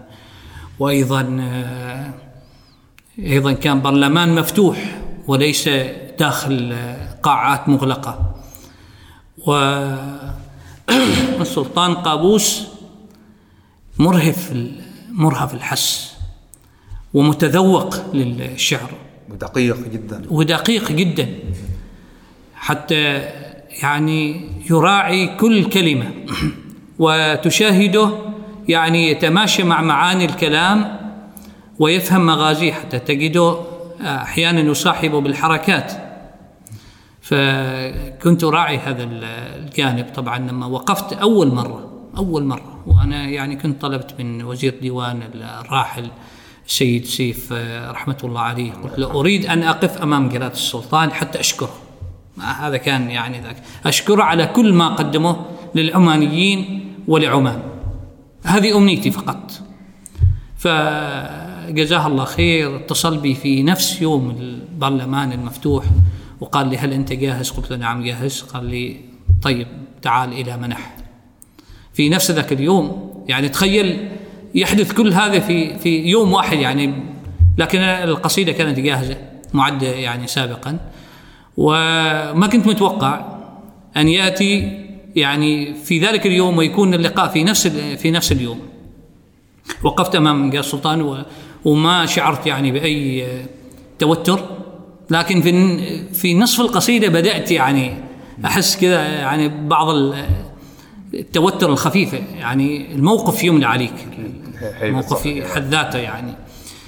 وعلى كل حال يعني سمعت إنه السلطان قابوس رحمة الله عليه أشاد بالقصيدة نفسها ثم تكررت يعني ال- القصائد أمام المقام السامي. ال- الحمد لله في اللقاء الأخير في 2003 جاء أمر ونحن هناك كنا بانه صالح الفهدي أول من يلقي امام أمام قياس السلطان وكان آه، رقمي يعني بعيد نوعا ما. آه، حتى ما كنت آه، بسبب هذا الرقم ما كنت سألقي أمام السلطان. ما لا- في الوقت. نعم. لكن جاءت الأوامر من جلالته بأنه صالح الفهدي أول من يلقي أمام السلطان قابوس وكان حظي أن آه، ألقي أمام السلطان قابوس. طبعا آه، كان محاط كما ربما يعني شاهدت ال- ال- المقطع هذا محاط بال- بالحرس وأيضا بالمواطنين و- وكان يستمع أيضا لبعض الشيوخ فأوقفهم حتى يستمع قال نستمع لل- للشاعر. وكان صوتي عالي وكنت قوي حتى في في الأداء. لأنه لكن كنت عارف إذا خفضت صوتي يعني مثل المسرح إذا أنت خفضت صوتك معروف يعني يعلو صوت القاعة. فدائما إحنا نقول حتى في المسرح ارفع من صوتك. زين؟ حتى تتحكم وتسيطر على الصاله فانا كنت أرفع صوتي حتى أسيطر على على الموقف فهذه من يعني المواقف المشرفة في في حياتي ودائما أذكرها بكل فخر إيش إيش إيش تعني لك. إيش الخصوصية اللي تملكها هذه القصائد من بين كل القصائد اللي تكتبها؟ طبعا ميزة هذه القصائد وافضليت وأفضليتها أنني يعني آه، اولا آه، يعني قلتها وأنا صادق في في قولها. يعني ما كنت أطمح لأي شيء سوى أن أوصل رسالة شكر لحاكم آه، هذا هذا البلد. و آه، خصوصيتها أن أنا كنت مباشرة أمام أمام وجهه أمام مقامه. ففي حد ذاتها يعني كانت آه، يعني ميزة عظيمة وفخر يعني كبير بالنسبة لي أن أقف أمام الحاكم أمام السلطان وأنا يعني بكل اعتداد وبكل اعتزاز آه، أنشده قصائد فيها شكر آه، لجلالته فتركت يعني في في نفسي أثر جميل. آه أنا وايد شدتني عبارة أن أنت أنت لما تلقي قصيدة أمام حاكم البلد أنت كأنك تلقي قصيدة أمام الوطن. نعم. ف آه، إذا بغينا نصيغ هذا السؤال إيش العلاقة اللي تجمع الشاعر بالوطن؟ الشاعر هو لسان الوطن.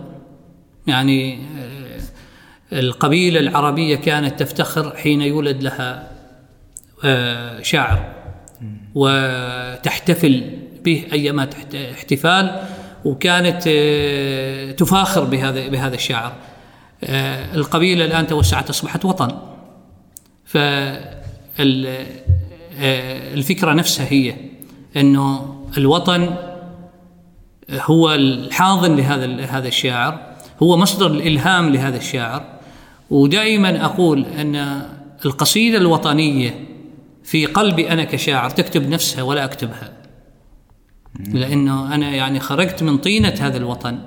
وتربيت على أنفاس هذا الوطن وفي أجواءه وفي بيئته وتتلمذت على قيمه وثقافته وتاريخه. وبالتالي حينما أكتب قصيدة أقول أنا لا أكتبها إنما تكتب نفسها وتنساب هكذا كما ينساب النهر السلسال العذب من أعلى قمة الجبل.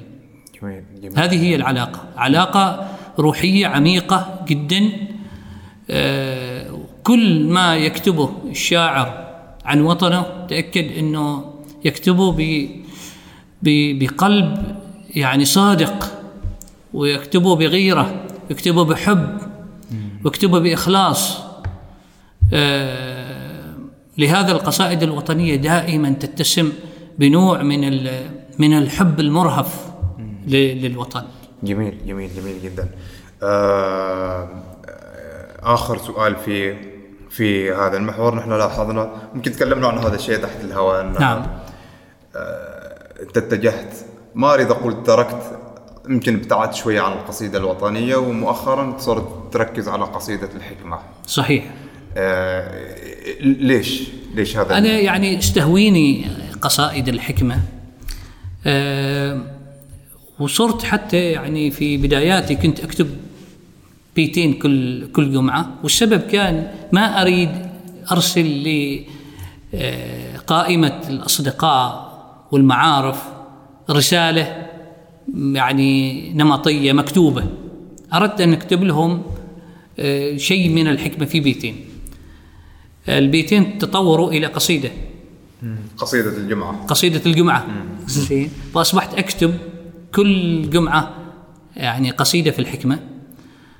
وقصيدة أتطرق فيها لمواضيع مختلفة. أحيانا يأتيني شطر بيت مثلا قبل الجمعة تتخمر القصيدة آه، في نفسي.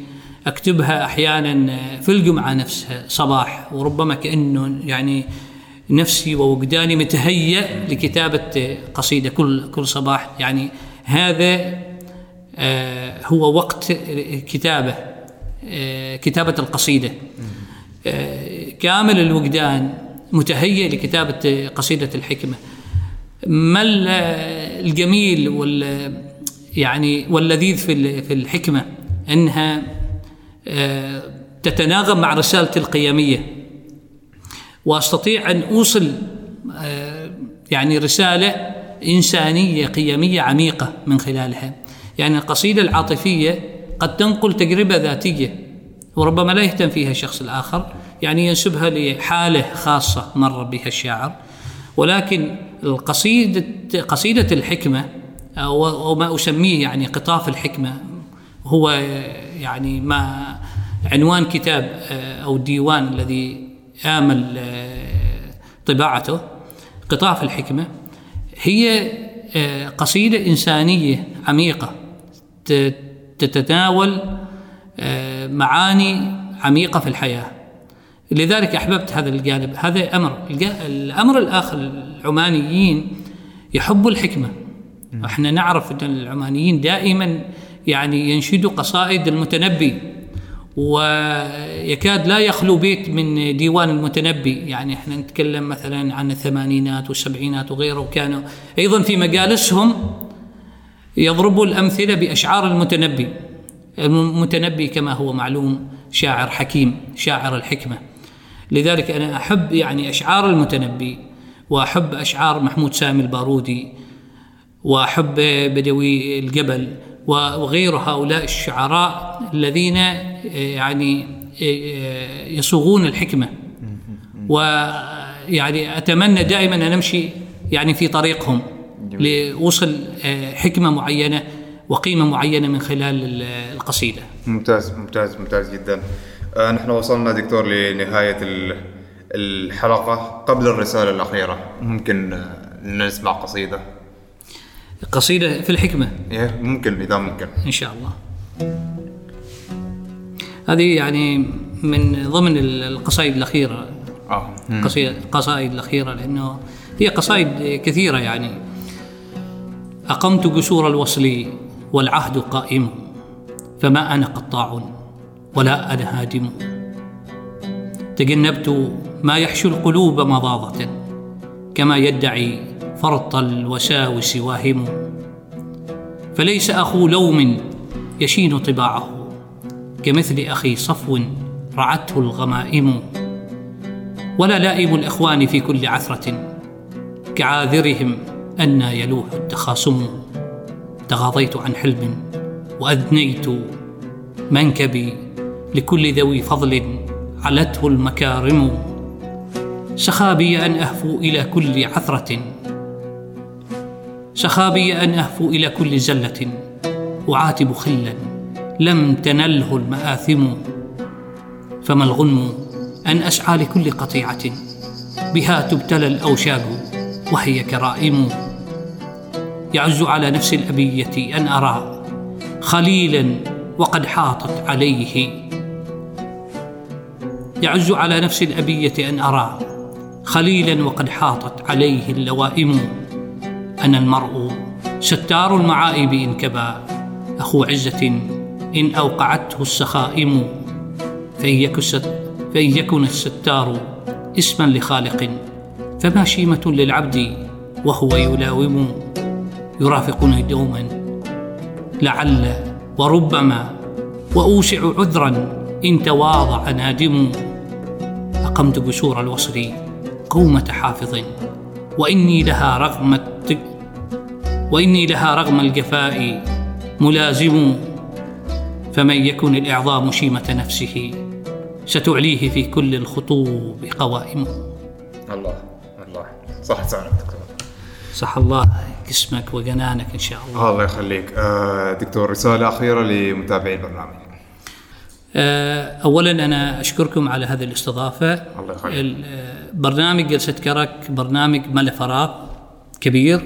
نحن بحاجة إليه. ل- لأنه قدم رسالة عميقة رسالة هادفة محتوى هادف. آه، رؤية البرنامج واضحة. يريد آه، ينهض بالوعي الإنساني آه، يبتعد عن الحشو البعيد عن ال- المحتوى الهادف يريد أن آه، يوسع دائرة الوعي الإنساني لمفاهيم أكثر حداثة للتقدم للعصرنة. وأعتقد أن هذا البرنامج هو من البرامج التي نفتخر فيها. نحن العمانيون. ونشد على أزر آه، من يقومون آه، بهذا البرنامج ونحثهم على الاستمرار وعلينا أن آه، ندعمهم لأنه محتواهم هادف. إذا كنا دائما نقول بأن يجب أن نصنع المحتوى الهادف فيجب أن نساند وندعم مثل هذا البرنامج. نحن الذين نصنع ال- القدوات السلبية ونحن الذين نصنع ونبرز القدوات الإيجابية. فليكن هذا المفهوم آه، مطبقا على أرض الواقع من خلال دعم مثل هذا البرنامج برنامج جلسة كرك. الله يخليك دكتور. شكرا لك. آه هذا نعتبره تشجيع ودعم بحد ذاته. آه وإن شاء الله ما يكون آخر لقاء إن شاء الله تكون بين لقاءات أخرى. آه حسابات الدكتور بتكون موجودة تحت في صندوق الوصف. آه أنا كنت أتساءل هل في قناة يوتيوب؟ في قناة يوتيوب آه، باسمي الشخصي. ممتاز ممتاز. نعم. حتى ممكن نحط. القناة. إي نعم. وفيها كثير من برامجي التلفزيونيه وأيضا قصائدي وأيضا مقاطع كثير من المقاطع من برنامج قيم. وأيضا حساباتي موجودة على الإنستغرام تويتر. وعلى تويتر وعلى الفيسبوك. ممتاز ممتاز. بنحط حسابات الدكتور تحت وأيضا قناة اليوتيوب في صندوق الوصف. إذا عندكم أي استفسارات أو تحبوا نعمل تعاون مع بعض إيميلنا موجود تحت. آه وأيضا رابط الاستماع الحلقة like و share و subscribe. نشوفكم إن شاء الله على خير. مع السلامة. بودكاست بودكاست.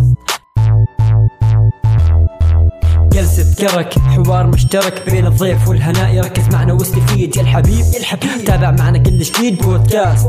بدون تصنع وتقليد. بودكاست. بودكاست. لا لا لا لا لا لا. بودكاست. بودكاست. لا لا لا لا لا لا لا.